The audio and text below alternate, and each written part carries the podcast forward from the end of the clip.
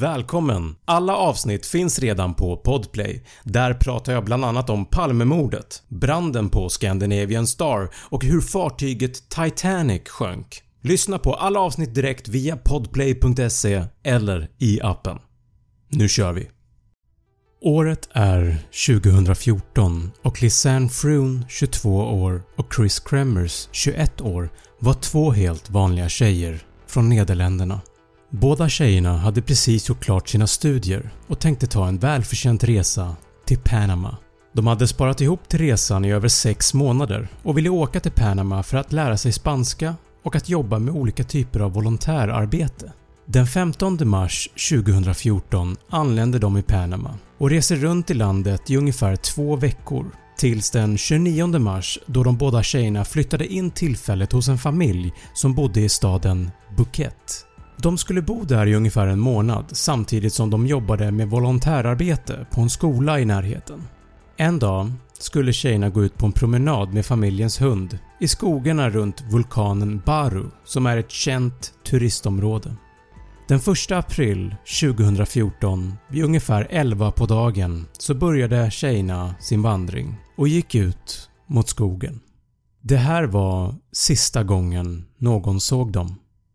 På kvällen samma dag tyckte familjen att något inte riktigt stämde. Tjejerna hade inte hört av sig och de blev ordentligt oroliga när hunden kom tillbaka, helt oskadd, men Lisanne och Chris sågs ingenstans.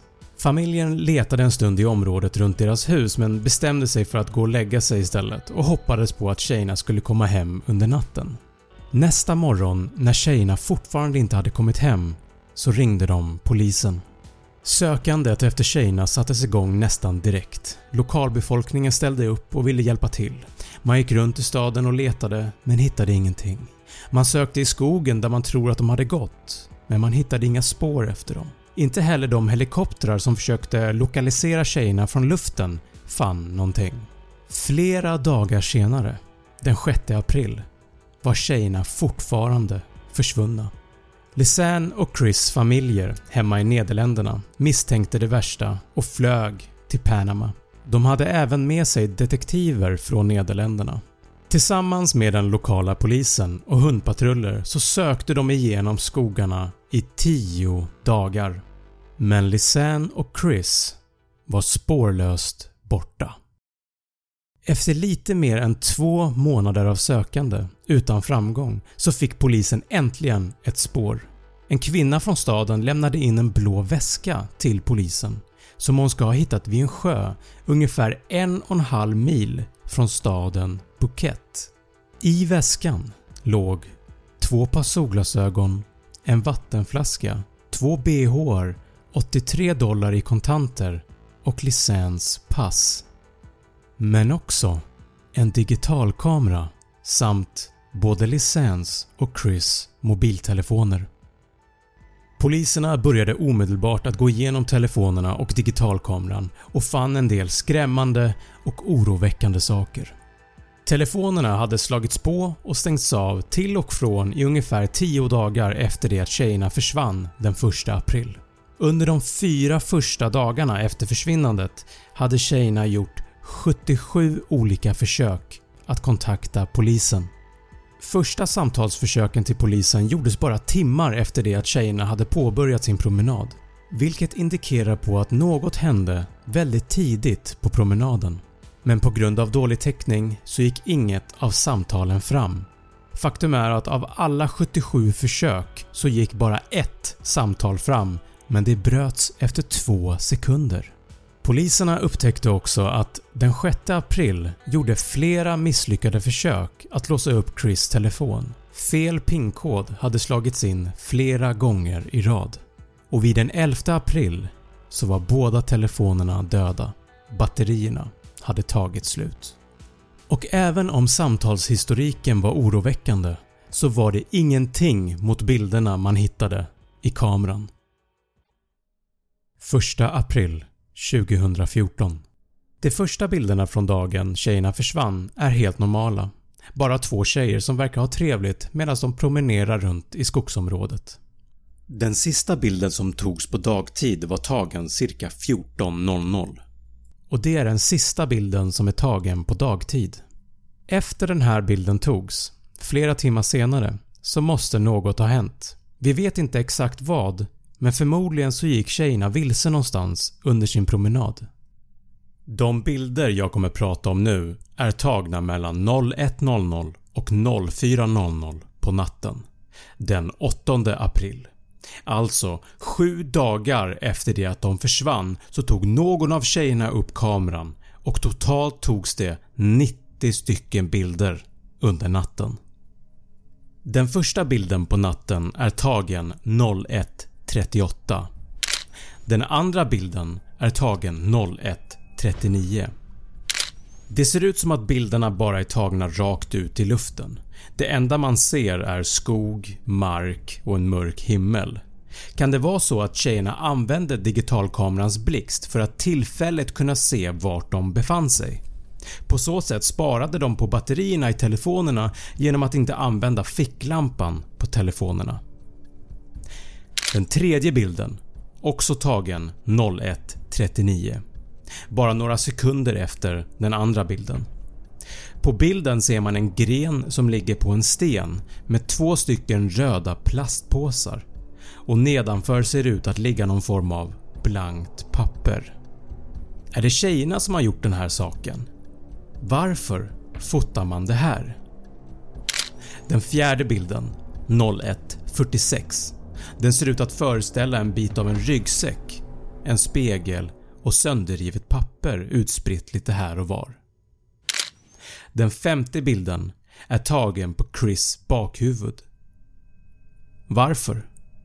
Man tror att den här bilden togs för att fota en skada i bakhuvudet. Kanske hade hon ramlat och slagit sig och ville se hur illa skadan var. Resterande bilder fortsätter i samma visa som de första. Bilder som bara tas rakt ut i luften. Inga personer syns på bilderna, bara träd och en svart himmel. Om du vill se bilderna kan jag rekommendera att du tittar på det här avsnittet på min YouTube-kanal. Förmodligen så kan det ha varit så att kamerablixten användes för att navigera i mörkret. Ingen vet, men en sak är säker. Fyndet med mobiltelefonerna och digitalkameran fick ordentlig fart på utredningen. Efter ännu mer sökande i närområdet där man hittade väskan så hittade man Chris jeansshorts prydligt och snyggt vikta och placerade på en sten vid kanten av en flod. Två månader senare hittade polisen något väldigt obehagligt. Man hittade en sko. I skon låg en fot. Med DNA-tester så kunde man fastställa att det var Lisans fot. En bit bort från skon så hittade man en bit av hennes bäckenben. Efter ännu mer sökande så hittade man till slut ett flertal olika skelettdelar från de båda tjejerna. Det underliga var att skelettdelarna hade inga märken eller några som helst tecken på våld. Ifall till exempel kroppsdelarna hade blivit avhuggna av något vasst eller om något djur hade slitit loss kroppsdelarna med tänderna så skulle det funnits märken som tydde på det. Men det gjorde det inte.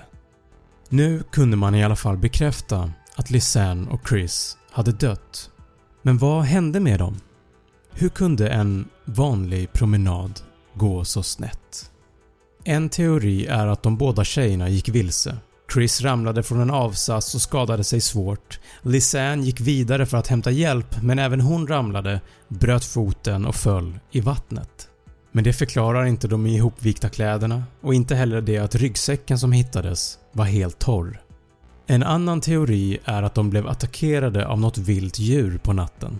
Det största rovdjuret i Panamas regnskog är jaguaren, men kom ihåg, det fanns inget som tydde på bitmärken på tjejernas benrester.